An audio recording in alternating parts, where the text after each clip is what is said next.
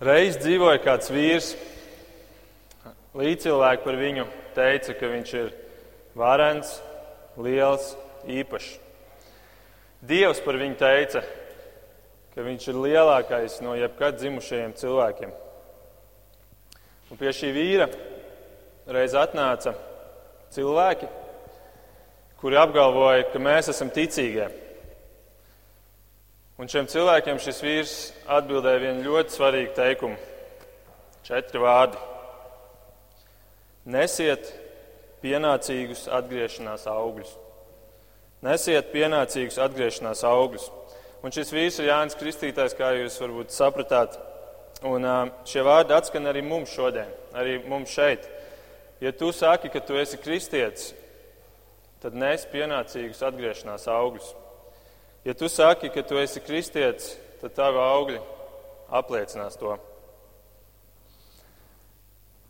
Un, uh, mēs esam šajā svētdienas sērijā apskatījuši dažādas, dažādus pārbaudījumus, ja tā var teikt. Mēs esam skatījušies teorētiskas lietas, tādas, kas ir mūsu iekšienē, piemēram, kādas ir mūsu domas par Jēzu, kādas ir mūsu domas par Dievu, par Dieva vārdu, bet arī praktiskas lietas, ārēji redzamas lietas. Piemēram, kā izskatās mūsu dzīve attiecībā uz grēku, vai grēks mazinās, vai arī vai mēs esam paklausīgi Dieva vārdam. Un, līdz ar to mums ir jāpārbauda mūsu iekšējais stāvoklis pēc ārējiem augļiem. Un par vienu no šiem augļiem mēs mācīsimies šodien, bet pirms mēs to darām, lūgsim Dievu.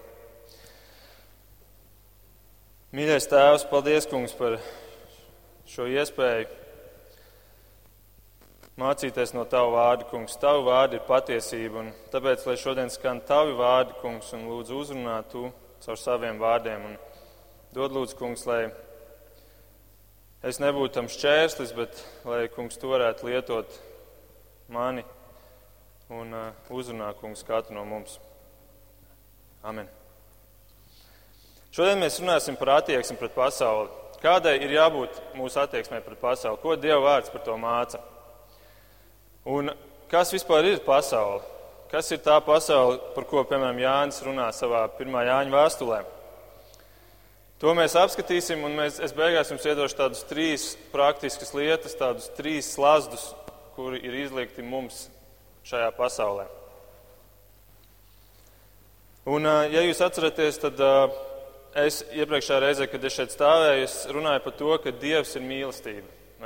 Un par to runā visa Bībele, īpaši jaunā derība. Un pirmais, pirmā Jāņa vēstulē ļoti daudz par to ir teikts. Piemēram, 1. Jāņa 4.8. Šobrīd jūs varat vēl nešķirt vaļā. Es vienkārši nolasīšu. Kas nemīl, nepazīst Dievu, jo Dievs ir mīlestība.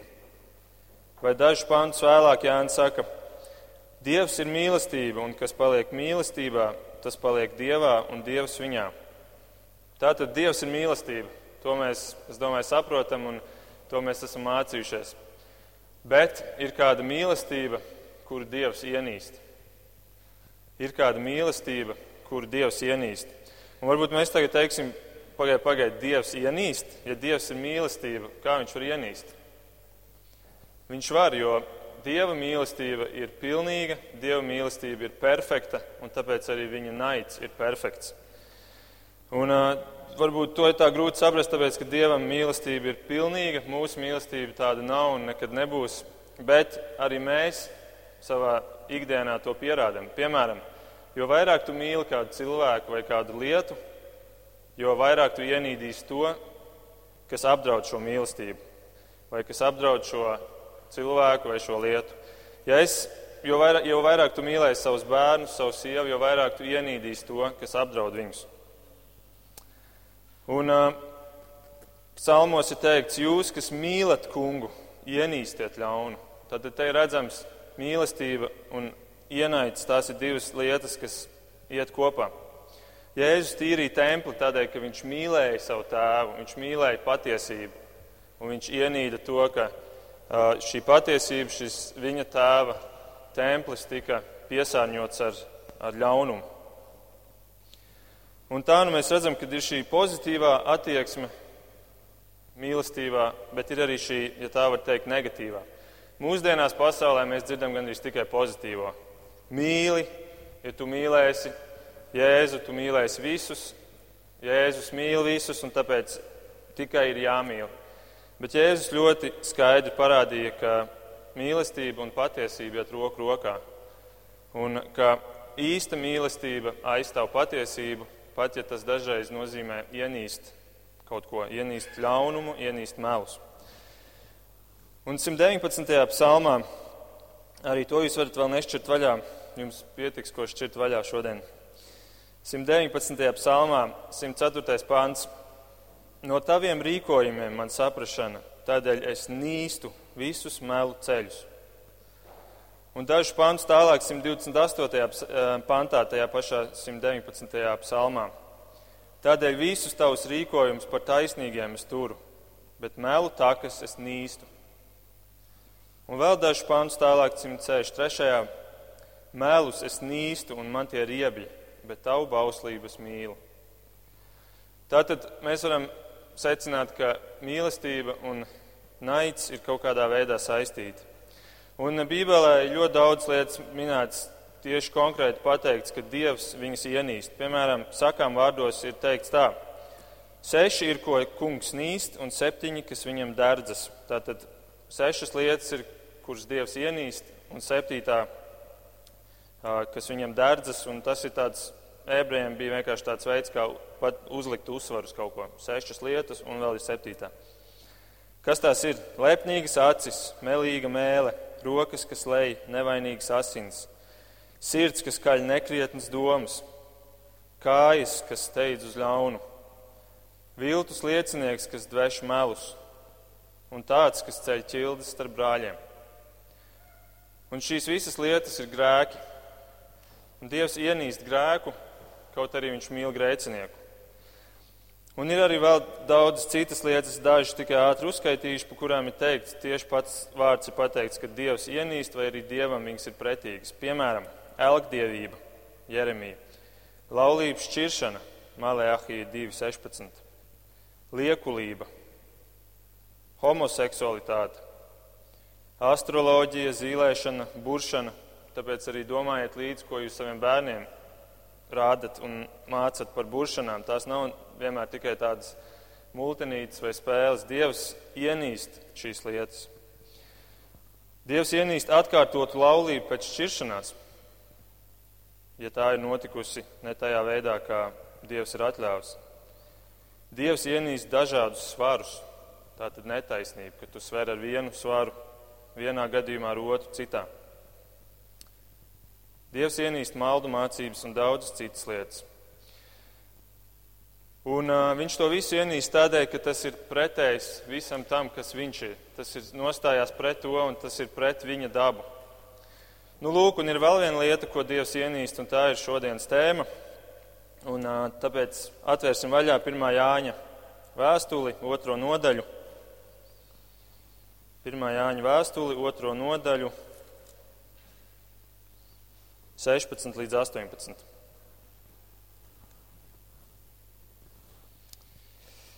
Pirmā Jāņa 2, 16 līdz 18. Nemīliet pasauli, nec to, kas ir pasaulē. Ja kas mīl pasauli, tajā nav tēva mīlestības. Jo viss, kas ir pasaulē, miesas kārība, acu kārība un dzīves lepnība, tas nav no tēva, bet ir no pasaules. Un pasaule paiet un viņas kārība, bet kas dara dievu gribu, paliek mūžīgi. Un kā jau teicu, Dievs ir mīlestība, bet ir kāda mīlestība, kur Dievs ienīst. Un te mēs redzam, kas ir tā mīlestība, kur Dievs ienīst. Mīlestība pret pasauli. Pirms diviem gadiem nomira tāds ļoti slavens teologs, varbūt pat viens no izcilākajiem teologiem, Džons Stots. Iespējams, jums ir kāda grāmata mājās, vismaz viena, divas, kur aizmugurē uz vāciņa ir viņa recenzija, jeb komentārs par grāmatu. Viņš bija ļoti slavens.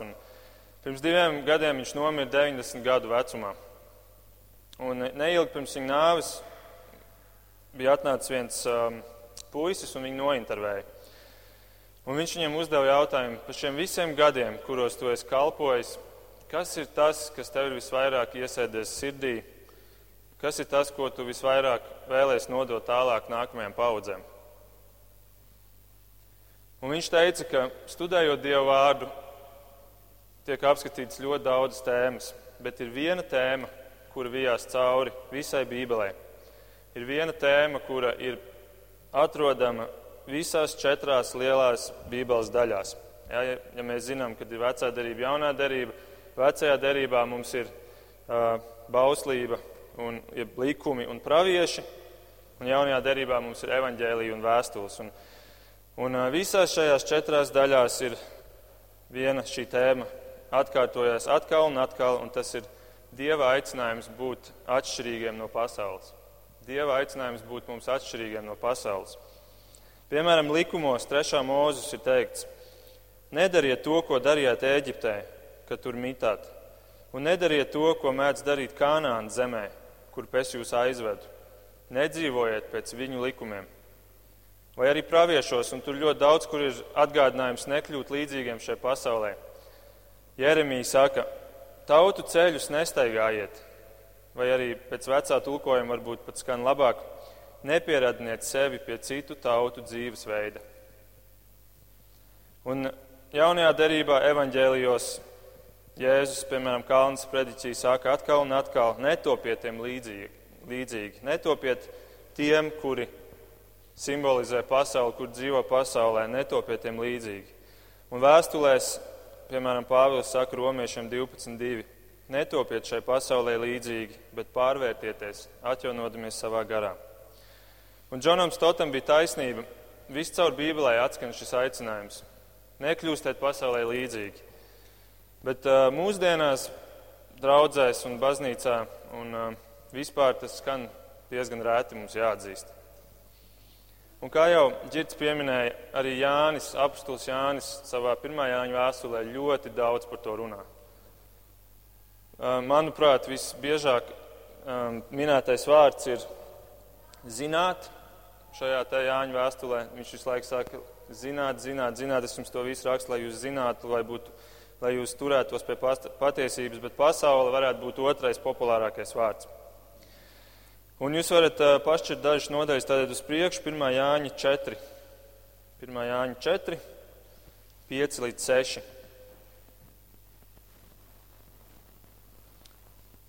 Girts jau to arī lasīja šodien. Tie, Tā tad runa nav par mums, runa ir par viņiem. Tie ir no pasaules, tādēļ tie runā pasaulīgi, un pasaule viņos klausās. Mēs esam no Dieva, un kas pazīst Dievu, tas dzird mūsu, kas nav no Dieva, tas nedzird mūsu. Tātad te mēs redzam jau, ir kaut kāda robeža. Viņi ir no pasaules, mēs esam no Dieva. Pašķiriet vienu nodaļu tālāk, 1. Jāņa 5. 1. Jāņa 5, 4 līdz 5. It viss, kas ir dzimis no Dieva, uzvar pasauli, un šī ir tā uzvara, kas uzvarējusi pasauli. Un kas tā ir? Mūsu ticība. Tātad mūsu ticība ir tā robeža, kur sākās Dieva teritorija un kur beidzās pasaule. Kas ir pasaules uzvarētājs? Tikai tas, kas tic, ka Jēzus ir Dieva dēls. Un šeit mēs redzam šajos divos pantos, šeit ir runa par uzvaru. Tātad ir bijusi kaut kāda cīņa un ir izcīnīta uzvara. Un, ja ir bijusi cīņa, tas nozīmē, ka ir bijušas divas frontes. Un te mēs redzam, ka ir divas daļas. Ir pasaule un ir dieva puse. Ja mēs aizšķiram uz Jāņa 15, 19, tas ir Jāņa evaņģēlijā, Un to jūs arī varētu atšķirt Jāņa evaņģēlīs. Tas ir tas pats Jānis, kurš to raksta. Jāņa 15, 19.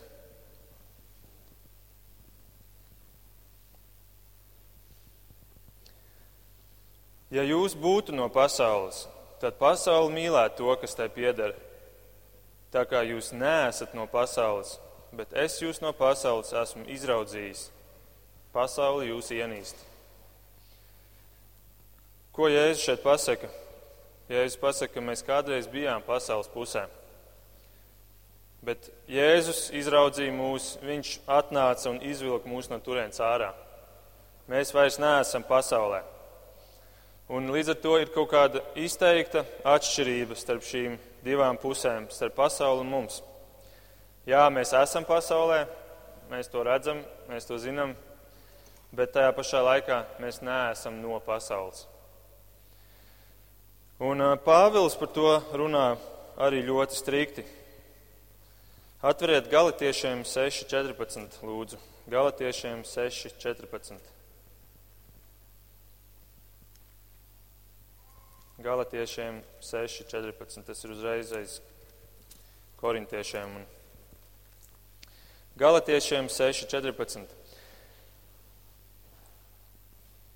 Bet man, lai citādas dižošanās nav, kā vienīgi ar mūsu Kunga Jēzus Kristus krustu, ar ko pasaule man ir krustā piesista un es pasaulē. Ko nozīmē būt piesistam krustā? Kas tas ir? Tā ir nāve. Līdz ar to Pāvils saka, es esmu miris pasaulē, un pasaule ir mirusi man. Un turpat uz priekšu, jūs, man, manuprāt, tās ir divas lapus uz priekšu nākamajā grāmatā Efeziešiem Jānis, nevis Jānis, bet Pāvils Efeziešiem divi, pirmie divi panti. Saka šādi. Arī jūs bijāt miruši savos pārkāpumos un grēkos, kuros reiz dzīvojāt, piederēdam šīs pasaules laikmetam, piederēdam šīs pasaules laikmetam, pakļaudamies valdniekam, kas valda pār gaisa valstību, pār to garu, kas vēl tagad darbojas nepaklausības dēlos. Tātad Pāvils arī pasaka, jūs kādreiz piederējāt šai pasaulē, un šai pasaulē ir kāds cits valdnieks. Un vai nu tu kalpo viņam, vai arī tu kalpo Dievam. Tu nevari kalpot abiem. Vai nu tu esi no pasaules un kalpo šim valdniekam, vai arī tu esi ārā no pasaules un tu kalpo Dievam. Un tam visam tādu punktu uz, uzliek Jēkabs, kurš Jēkaba vēstulē 4.4 saka šādus vārdus. Laulības pārkāpēji, vai jūs nezināt, ka mīlestība uz Dievu ir Dieva nīšana? Mīlestība uz, uz, es atvainojos, vai jūs nezināt, ka mīlestība uz pasauli ir dieva nīšana? Ik viens, kas grib mīlēt pasauli, to par ko? Par dieva ienaidnieku. Ik viens, kas grib mīlēt pasauli, to par dieva ienaidnieku. Un tādu mēs te redzam, vai nu tu mīli pasauli un ienīsti dievu, vai arī tu ienīsti pasauli un mīli dievu. Viens vai otrs bet nevar, tu nevari mīlēt abus. Viena, viena lieta izslēdz otru, vai nu tu mīli pasauli, vai tu mīli Dievu. Vai nu tu esi pasaules draugs, vai tu esi Dieva draugs. Un um, mēs lasām, kas kopīgs gaismā ir tumsu. Un tā nu mums ir jāsacina no Dieva vārda, ka patiesas kristietis pasauli nemīl. Patiesas kristietis pasauli nemīl. Labi, bet tas mums aizved pie nākamā jautājuma. Kas tad ir tā pasaule, ko mēs nevaram mīlēt? Kas tas ir? Es nolasīju jums dažus pāntus tikai, bet jaunā derība ir pilna ar šādu aicinājumu. Tā kā es minēju, visa Bībele ir pilna. Kas ir, tas, kas ir tā pasaule? Vai tā ir radītā pasaule, dieva radība, daba, visums? Vai tas ir tas, ko man nevajadzētu mīlēt? Nē, vai ne? Piemēram, Psalmos ir teikts, ka tas viss ir Dieva radījums un tas viss slavē Dievu. Šis radījums apliecina Dievu un mums ir, mēs par to varam priecāties un, un uh, tas ir kaut kas labs. Mēs mīlam arī dabu, mēs par viņu rūpējamies. Labi, tā tad tā nav radītā pasaule, redzamā pasaule. Tad uh, varbūt tie ir cilvēki, varbūt tā ir cilvēks. Varbūt tas ir tas, ko mums nevajadzētu mīlēt. Bet uh, mēs lasām Jāņa 3.16, ka Jēzus ir atnācis, lai nomirtu par šo pasauli. Un mēs esam aicināti mīlēt savus tuvākos, mēs esam aicināti mīlēt savus brāļus. Līdz ar to, nē, arī tie nav cilvēki. Tā nav ne daba, tie arī nav cilvēki. Bet kas tad tas ir? Kas ir tā pasaule, ko mēs nevaram mīlēt? Un atbildi ir, tā ir garīgā, neredzamā domu sistēma, kas stājas pretī Kristum. Tā ir ļaunā, garīgā, neredzamā domu sistēma, kas stājas pretī Kristum. Un par pasauli šādā formā mēs arī runājam paši ikdienā. Mēs, piemēram, sakam, ir sporta pasaule. Ja, mēs runājam par kaut kādu sporta pasauli, vai piemēram, par zinātnes pasauli, vai par mūzikas pasauli, vai par mākslas pasauli. Tā nav fiziska pasaule. Tas nav kaut kāda planēta, kas ir radīta sportam, bet tajā pašā laikā mēs runājam, ka tā ir pasaule. Un, tas, kas, tas, tas, kas šajā domā ir redzams, ka tā ir fiziski Fiziski viņi nepastāv, bet tā ir vienota ideja, vienota doma. Un tāpat ir ar šo pasauli, par kuru Jānis runā. Šī pasaule ir domu sistēma, kas ir nostājusies pretī Kristum. Jau no paša sākuma līdz pašam galam viņi ienīst patiesību. Mēs redzam, piemēram, Bībelē, mēs viss sākās ar radīšanas stāstu, bet pasaule saka, ka tas viss ir meli, un tā vietā liek evolūcijas teoriju. Pasaule jau no pašiem sākumiem pasaka, mēs ienīstam šo domu, mēs stājamies pretī tam, ko Dievs saka un apliecina par sevi. No pašiem sākumiem ar evolūcijas teoriju līdz pašām beigām, noliedzot, ka kādreiz pastāvēs elle.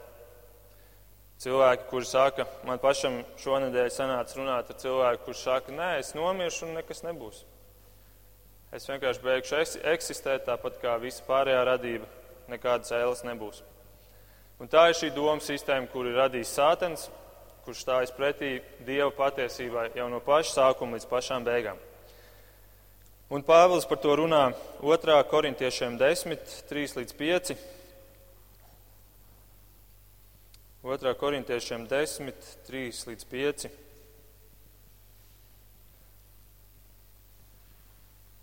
kur viņš saka, mēs dzīvojam miesā. Viņš saka, jā, mēs dzīvojam miesā, mēs dzīvojam šajā pasaulē, bet mēs necīnāmies ar miesas līdzekļiem, jo mūsu cīņas ieroči nav miesiski, bet dieva doti. Vareni, kas spēj sagraut cietokšņus. Kas tad ir šie cietokšņi, kurus Dievs aicina mums sagraut? Mēs apgāžam prāta sagudrojumus, tātad domas, idejas, prāta sagudrojums un jebkura augstprātība, kas saceļas pret dieva atzīšanu. Mēs sagūstam jebkuru domu, lai tā kļūtu paklausīga Kristum. Tātad Pāvils pasaka to pašu. Mēs esam um, izgājuši no šīs pasaules, un mūsu mērķis ir cīnīties nevis ar miesas līdzekļiem, bet tas viss ir garīgi, neredzama sistēma. Nu, lūk, un mēs, tā kā jau minēju, mēs neesam no šīs pasaules, bet mēs esam no kādas citas vietas. Mūsu pilsonība ir debesīs. To saka Bībele. Bībele saka, mēs piedaram debesīs. Mēs esam debesu pilsoņi. Mūsu pasē vairs nav rakstīts pasaule, mūsu pasē ir rakstīts debesis. Tas nenozīmē, ka mūsu pasaule vairs nepievelk, ka tās lietas, kuras ir šajā pasaulē, mēs neredzam vai, vai pat negribam izbaudīt. Jā, mēs izbaudām dabu, mēs izbaudām to, ko Dievs mums ir devis, visas to svētību, visu to bagātību, krāsās, garšās, um, sajūtās, visu to, ko Dievs mums ir devis. Viss varēja būt brūns, mēs varējām ēst visu dzīvi tikai rīsus, debesis varēja būt pelēkas visu laiku, bet Dievs mums to visu ir devis, lai mēs to varam izbaudīt.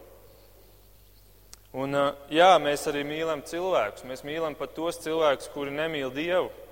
Jēzus aicina mūs iet un mīlēt viņus.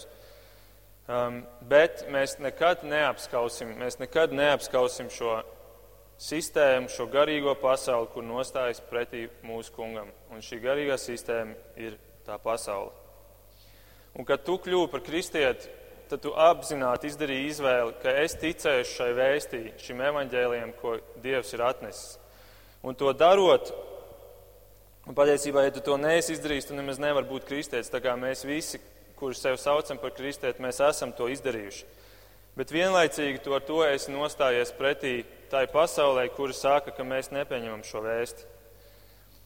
Un līdz ar to tu nevari būt abās pusēs. Tu esi vai nu vienā vai otrajā. Un Jānis saka, kā mēs jau arī lasījām, ja tu mīli pasauli, tevī nav Dieva mīlestības. Tātad, ja tu mīli pasauli, tev nav attiecība ar Dievu. Un, uh, es atgādinu vēlreiz, Jākaps teica, ik viens, kas grib mīlēt pasauli, tas to par Dievu ienaidnieku. Labi, Markus, bet ko tas nozīmē praktiski? Ko tas nozīmē manā dzīvē, ka es nemīlu šo pasauli? Pirmkārt, ja tu neesi patiesa kristietis, ja tu neesi patiesa kristietis, un mūsu mērķis ir pārbaudīt to, ja tu neesi patiesa kristietis, tu agrāk vai vēlāk tomēr atgriezīsies pasaulē. Tu agrāk vai vēlāk tomēr pateiksi, ka man ir mīļākas tās lietas, kuras pasaule māca. Tur ir kompromisi, tur man nav jāiet un jāiestājās par to, kas ir lielākajai daļai cilvēku nepopulāri. Es atgriezīšos agrāk vai vēlāk pasaulē. Un to Jēzus saka līdzībā par sējēju, kur viņš saka, ka viena no šīm augsnēm ir tāda, ka cilvēks tomēr iemīl pasauli un viņš aiziet prom. Tātad, ja tu neesi patiesa kristietis, tu agrāk vai vēlāk aizies uz pasauli. Bet, ja tu esi patiesa kristietis, tad uh, tas nozīmē, ka tu neesi saprecēts ar pasauli. Tu viņu nemīli, bet tu vari ar viņu flirtēt. Tu viņu nemīli, tu neesi viņu saprecēts, bet tu tik un tā ar viņu vari flirtēt. Piemēram, vai tu mīli kādas pasaulīgas grāmatas vairāk par šo grāmatu? Kā ir, vai tu mīli kādas pasaulīgas grāmatas vairāk par šo grāmatu, vai tu lasi vairāk citas grāmatas nekā šo grāmatu? Vai pasaulīgas filmas un izklaide paņem vairāk laiku no tavas ikdienas nekā dievlietas? Vai pasaulīgais bizness, ja pasaulīgās darīšanas tev rūp vairāk nekā dieva biznesa, nekā tava tēva biznesa? Vai pasaulīgos cilvēkos tu vairāk klausies, un vai viņu ietekmei tu vairāk pakļaujies nekā kristīgiem? Un kāda ir tava vēsts? Kas ir tas, ar ko tu apliecini, ko, par ko tu runā ikdienā ar saviem līdzcilvēkiem? Vai tur ir vairāk no dieva vai no pasaules? Un uh, Rumānijas kristietis, kurš uh, 15 gadus dzīvoja, viņš bija sagūstīts un viņš 15 gadus bija cietumā. Viņu pēc tam izlaida un viņš teica šādus vārdus. Tāpat kā zivis, kas dzīvo sāļā ūdenī un saglabā savu gaļu saldu, kristiešiem ir jāsaglabā sava vēsts tīra no pasaules ietekmes. Šis vīrs ir Ričards Vunbrants, un viņš piedzīvoja to, ko nozīmē, ka es dzīvoju tādā ietekmē, kur pasaule man uzspiež savu ietekmi. Un viņš saka, ka tāpat kā zīvis, kuras dzīvo sāļā ūdenī un saglabā tomēr saldu gaļu, arī mums, kristiešiem, ir jābūt tādiem pašiem, kurš saglabā savu vēsti tīru no pasaules ietekmes. Un mūsu vēsts nav tikai tas, ko mēs runājam ar cilvēkiem, tā ir mūsu dzīve, tas ir tas, ko cilvēki redz. Un tāds labs barometrs, ja tāds labs rādītājs ir, manuprāt, jautājums, vai tu gaidi Kristus otro atnākšanu. Ja mēs lasām jaunajā derībā, viņi visi gaidīja, viņi visi tik ļoti gaidīja, viņi pat domāja, ka tas tūlīt nāks, tas tūlīt notiks. Kā ir ar tevi, vai tu gaidi, vai tu tomēr esi tik ļoti pieķēries šīs pasaules lietām, ka tu negribi, ka Kristus nāk. Labāk, lai viņš nāk pēc pāris gadiem, šobrīd labāk nē. Un tā ir tā, tas tāds pārbaudījums, cik es esmu ļoti pieķēries šai pasaulē. Un tas patiesībā ir jautājums ne tikai tev kā kristietim, bet arī mums kā draudzē. Arī draudzene var būt pasaulīga, viņa var flirtēt ar pasauli. Un uh, Roberts Čārls Prauls ir teicis, šodienas draudzes lielākais izaicinājums ir darīt dieva darbu ar pasaules metodēm. Tas ir tāds kārdinājums, ka mēs gribam iet un mēs gribam padarīt sevi tādu mūsu draugu, tā kā ir pasaule. Mēs gribam to padarīt tādu, ka cilvēks ienāk šeit un viņš jūtas, jā, šitien ir tā kā pasaulē, šeit es saprotu visu. Bet Jēzus teica, es celšu savu baznīcu, jeb savu draugu. Un līdz ar to Jēzus ir tas arhitekts, viņš ir tas, kurš ir izstrādājis būvprojektu un nodevis mums un pateicis, reku, ejiet un celiet manu draugu pēc šī projekta, ko es jums dodu. Un tas projekts ir šis. Un līdz ar to mums ir jāiet un jābūvē draudze pēc viņa plāna, pēc tā, kā viņš to ir vēlējies, pat ja tas ļoti atšķirās no šīs pasaules. Un viens vīrs ir teicis, ka evaņģēlijas požums ir tajā, ka tad, kad draudz ir pilnībā atšķirīga no pasaules, tā visvairāk pievelk to. Un tā tas ir.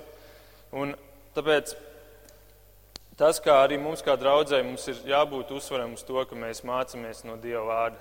Mums ir jābūt uzsvaram uz to, ka mēs ceļām nevis draudzi tā, kā mēs vēlamies, bet tā kā Kristus viņu ir paredzējis. Un tas ir tik ļoti svarīgi. Un ja mēs to nedaram, tad patiesībā mēs pazaudējam to statusu, ka mēs esam Kristus draugi. Mēs varam pastāvēt kā organizācija, mēs varam pastāvēt kā vieta, kur var atnākt un būt sabiedrībā kopā, bet draudze, Kristus drauga mēs esam tikai tad, ja mēs esam bībeliska Kristus drauga. Un tas pats attiecās arī uz mums kā kristietim. Ja tava ticība nav bībeliska, tad tu neesi kristietis. Tāpēc mums ir jāpārbauda mūsu ticība, un tas ir tas, ko mēs šeit darām. Pēc mūsu, pēc Bībeles vēsts, ko Bībele saka par to. Un Čārlis Pērģents ir teicis, tā draudzene, kura pasaulē vislabāk patīk, pavisam droši ir arī tā, kuru Dievs visvairāk ienīst. Un tā tas ir. Tā draudzene, kura pasaulē vislabāk patīk, kura pasaulē būs tā, ka oh, es, te jūtos, es te jūtos tā, kā, kā es jūtos visur citur, un es nejūtos citādāk. Tā būs tā vieta, kura būs pretēji tam, kā mēs runājām, tā būs otrā fronte, un mēs, mēs to nedrīkstam darīt, un, un tas ir mūsu pienākums. Mums ir jābūt uzticamiem. Labi, Mēs varam atšķirt vēlreiz 1. Jāņa 2.16. 1. Jāņa 2.16.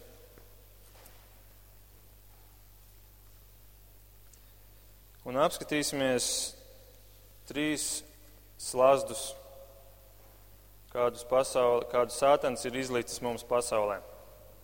1. Jāņa 2.16. Un tie ir iemesli, kādēļ mums nemīlēt šo pasauli. Tādi pilnīgi, pavisam praktiski un praktiski un skaidri redzami veidi. Tātad nemīliet pasauli, nec to, kas ir pasaulē. Ja kas pasauli mīl, tajā nav tēva mīlestības. Citiem vārdiem sakot, tam nav attiecības ar Dievu, tas nav kristietis. Jo viss, kas ir pasaulē, miesas kārība, acu kārība un dzīves lepnība, tas nav no tēva, bet ir no pasaules. Pamanījāt tos trīs slazdus? Miesas kārība, acu kārība un dzīves lepnība. Vai jūs esat kādreiz domājuši, kas ir šīs trīs lietas, kāpēc viņas ir pieminētas šeit un kāpēc tieši šādas? To mēs apskatīsimies, un es ceru, ka tas mums dos arī dziļāku izpratni par to, kāds ir mūsu status pasaulē, kad mēs ejam un kad mēs tajā dzīvojam. Un, uh, kas ir tās lietas, no kurām mums ir jāuzmanās. Tātad mēs atceramies, kurš ir šīs pasaules valdnieks, vēlns. Kas ir viņa numur viens ierocis? Grēks. Un ja mēs flirtējam ar pasauli vai pat mīlam to, tad mēs notrulinamies pret grēku. Mēs mīlam šo pasauli, mēs mīlam to, sākam iemīlēt un sākam pierast pie tā, kas ir šajā pasaulē, un mēs notrulinamies pret to. Un tāda ir sātana griba. Un tāpēc šajās trijās lietās, kuras mēs apskatīsimies, ir apkopot patiesībā visa sātana griba attiecībā uz mums. Šajās trijās lietās ir ap, apkopot visa sātana griba. Pirmā lieta - miesas kārība. Ko es iekāroju savai miesai? Ja jūs zinat, ir Maslova piramīda ar ar pamat vajadzībām cilvēku. Ja, ja jūs zinat, ir tāda, esat varbūt redzējuši, varbūt skolā jums ir mācīts. Un tur ir pateikts pa slāņiem, kuras ir tās primitīvākās lietas, kas cilvēkam ir vajadzīgas.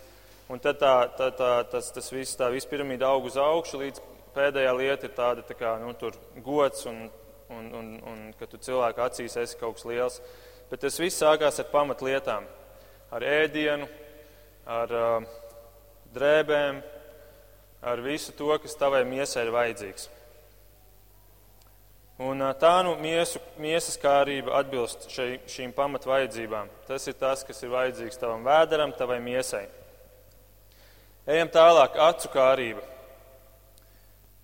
Kas tas varētu būt? Tas ir tas, kas vairs nav manī, bet kas ir jau citos cilvēkos un ko es ar savām acīm iekāroju citos. Ja miesas kārība bija mans vēders, mana miesa, manas lietas, kas man ir apkārt, kas ir manī, tad acu kārība ir jau tas, kas ir otram cilvēkam, kas viņam pieder un ko es iekāroju, ko es gribētu no viņa dabūt sev. Piemēram, iekārot tuvākā sievu, vīru, mantu, līdz pat gara dāvanu vai to, ko viņš dara, viņa spējas. Tā ir acu kārība. Trešais dzīves lepnība, un angļu tulkojumā ir varbūt bišķi tā skaidrāk pateikts, tas ir lielīgais dzīves lepnums. Lielīgais dzīves lepnums. Kas es vēlētos būt citu acīs? Es vēlētos būt gudrs, atzīts, slavens, paaugstināts. Tātad miesas kārība, acu kārība un dzīves lepnība. Miesas kārība manī, acu kārība tas, ko es gribu otrā cilvēkā, un dzīves lepnība, kas es vēlos būt otra cilvēka acīs. Un tagad klausieties, šie trīs slazdi, šie trīs slazdi ir tie trīs veidi, kā sātens kārdina cilvēku.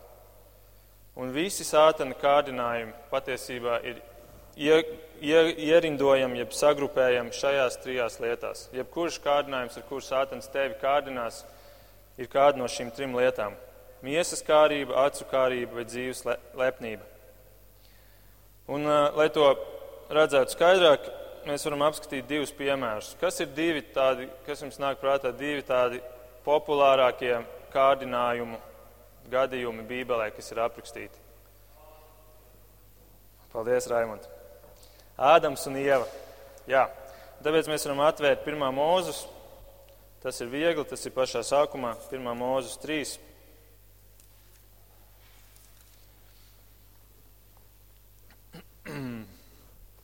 Pirmā mūzes 3, 6.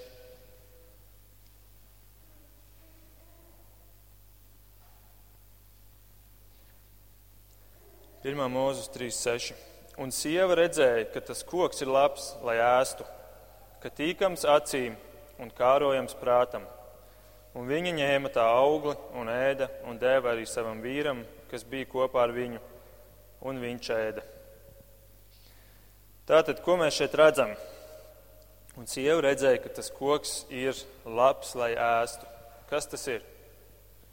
Kas tā ir? Kura tā ir no šīm kārībām, par kurām mēs runājam? Miesas kārība, jā. Tātad pirmais, ko Sātens saka, ja parādi ir kaut ko tādu, kas, kas uh, ievai nostrādā, un viņi saka, o, tas ir kaut kas labs, lai ēstu. Pēc tam otrā lieta. Viņi saka tālāk, tas ir tīkams acīm. Tas ir tīkams acīm. Tas ir kaut kas tāds, ko es vēlos iekārot ar savām acīm. Acu kārība. Acu kārība. Un ejot tālāk, viņi saka, un tas ir kārojams prātam. Vecajā tulkojumā bija teikts, tas ir iekārojams, ka dara gudru. Un tas ir tas, man liekas, ko mēs visi esam mācījušies arī svētdienas skolas laikā, kad bija tikai vecais tulkojums, ka tas ir tas, kas darīs mani gudru. Tātad šī ir tā lieta, kur Ieva saka, o, tas ir kaut kas tāds, kur es iegūšu jaunu, jaunu statusu, es būšu, iegūšu um, paaugstinātu stāvokli. Un, tas ir tas lielīgais dzīves lepnums. Tātad mēs redzam, Sētans kārdina ievu visos šajos trijos veidos, un ieva uzķerās. Kas ir vēl kāds slavens piemērs?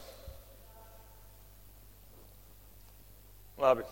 Um, mans, mans piemērs ir uh, Jēzus kārdināšana tūkstnesī. Es nedzirdēju, vai tas bija tas, ko teicu, bet Jēzus kārdināšana tūkstnesī, vai ne? Arī ļoti slavens veids. Un arī to mēs vēl varam atvērt. Um, Mateja 4, pirmais pants. sākot ar pirmo pantu. Mateja 4.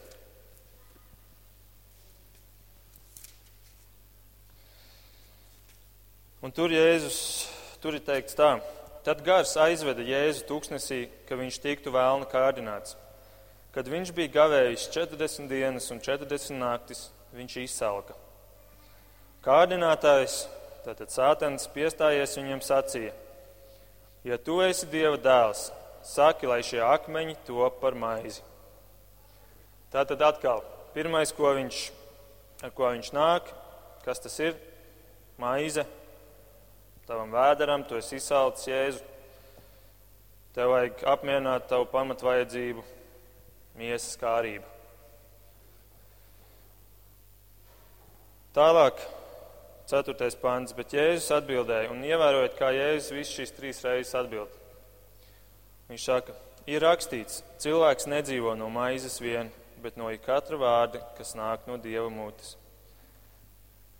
Tad vēlns viņu aizved uz svēto pilsētu, tad Jeruzalemi, pacēla viņu uz tempļa jumta malas un sacīja: Ja tu esi dieva dēls, meties lejā, jo ir rakstīts, viņš saviem eņģeļiem dos pavēli tevis dēļ, un tie tev uz rokām nesīs, lai tu savu kāju pie akmens nepiedauzītu.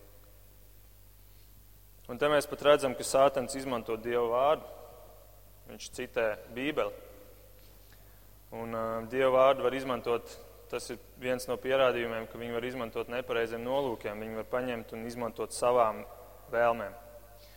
Labi, bet uh, ko, ko šis nozīmē? Es agrāk šo vietu nekad nesapratu. Man liekas, kā, kādā sakrā, kāpēc viņam vajadzētu nolaisties no tempļa jumta, ko tas nozīmē. Bet uh, palasot vēsturniekus un, uh, un, un, un tā laika um, jūdu tradīcijas, tad bija tā, ka jūdi gaidīja mesiju ar zīmēm. Jūdiem bija pilnīgi skaidrs, ja nāks mesija, viņš nāks ar zīmēm.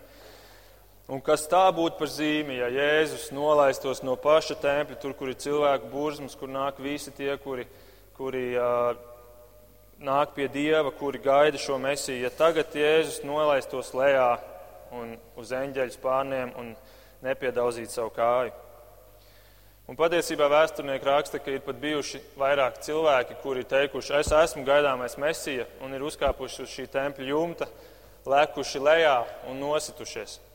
Tā kā Vēlns ļoti labi zina, ka, ja to tu izdarīsi, padomā, kas tu būsi cilvēku acīs. Nu, lūk, un kas tā varētu būt no mūsu trīs kārībām? Tas ir tas dzīv, lielīgais dzīves lepnums. Jēzu, ej, dari to, un tu būsi kaut kas liels cilvēku acīs. Tu būsi tas, par ko taču tu esi nācis, kā, um, kam tev ir jākļūst. Un tad Jēzus atkal viņam atbild, bet ir arī rakstīts nekārdini kungu savu dievu. Un atkal vēlns viņu aizveda uz ļoti augstu kalnu un rādīja viņam visas pasaules valsts un to godību un sacīja To visu es tev došu, ja tu nolieksies manā priekšā un mani pielūgs. Un kas tas ir? Trešā no lietām - skaties to visu, skaties to visu pasauli, es tev to visu došu, iekāro to, skaties ar savām acīm. Un tā ir tā acu kārība. Un, un tad Jēzus viņam saka, atkāpies sāteni, jo ir rakstīts, ir rakstīts, pielūdz kungu savu dievu un viņam vien kalpo. Tad vēlns viņu atstāja un redz, eņģeļi nāca un viņam kalpoja. Sātens šajos trijos veidos kārdināja Ādamu un Ievu, viņš kārdināja Jēzu un viņš kārdina katru no mums. Un tāpēc šajā, šie trīs slāzdi ir izlikti pasaulē, un mums, ejot pa šo pasauli, patiesībā mēs pat varētu teikt, ka mēs tiekam apslecināti ar indi pasauli mūs mēģina saindēt. Un ja mēs pieņemam šo indi un ja mēs um, ejam pasaulē, klausamies viņā, tad šī inde mūs apdulina un mēs kļūstam nevērīgi un mēs ejam un krītam šajos slazdos. Bet ir kāda pretīnda, un tas ir tas, ko Jēzus rādīja un ko Jēzus pierādīja caur savu kārdināšanas pieredzi. Viņš visu laiku, visas trīs reizes atbildēja, stāv rakstīts, jeb ir rakstīts. Un tāpēc mūsu uzdevums mums, ja mēs pirmkārt esam pārbaudījuši, ka jā, es nemīlu to pasauli, bet ja mēs arī negribam flirtēt ar viņu, ja mēs gribam attīrīt sevi no šīs, no šīs pasaules, tad, tad uh, mums ir jāpotējās. Mums ir jāpotējās ar šo pretindi. Un šī ir tā mācība, kas dod mums, kas ir šī, šī, šīs potes, šī pretinda. Un ja mēs to lietosim, ja mēs ļausim viņam dzīvot mūsos, tad šī inda neiedarbosies un slazdos mēs nekritīsim. Un pats pēdējais pants ko saka psalmists. Viņš saka, savā sirdī es noglabāju tavus vārdus, lai negrēkotu pret tevi. Savā sirdī es noglabāju tavus vārdus, lai negrēkotu pret tevi. Šis ir tas spēks, un tāpēc šim spēkam ir jābūt tam, kas ir mūsu dzīves pamatā, ar ko mēs potējam sevi, ko mēs ēdam, ar ko mēs kļūstam stipri, un tad mums būs arī spēks stāties pretī šai pasaulē. Lūksim Dievu.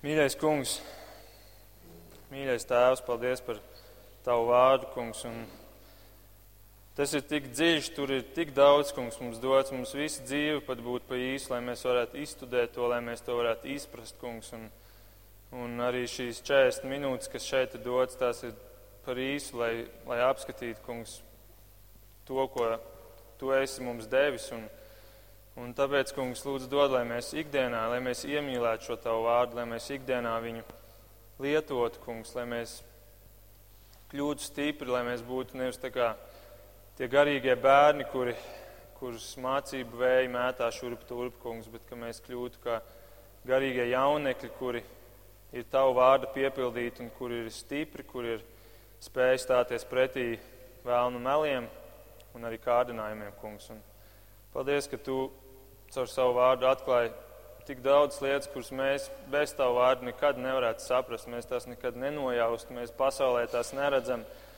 Un palīdz, ka mēs nepumpētos pilni tikai ar to pasaules ietekmi, ar visu to, kas ikdienā mums nāk iekšā, kungs, bet ka mēs dotu pretī un, un stiprinātos ar tavu vārdu, kungs, kas ir šis pretspēks. Un, Palīdz mums to iemīlēt, kungs, un palīdz mums pārbaudīt sevi. Lūdzu, palīdz katram, kas šeit ir, arī paskatīties uz savu dzīvi, ne tikai uz to tām iekšējām domām, kas ir mūsos, bet pārbaudīt mūsu dzīvi, mūsu darbus, mūsu augļus pret to, ko tu māci savā vārdā, kungs. To mēs tev lūdzam mūsu kunga Jēzus vārdā. Amen.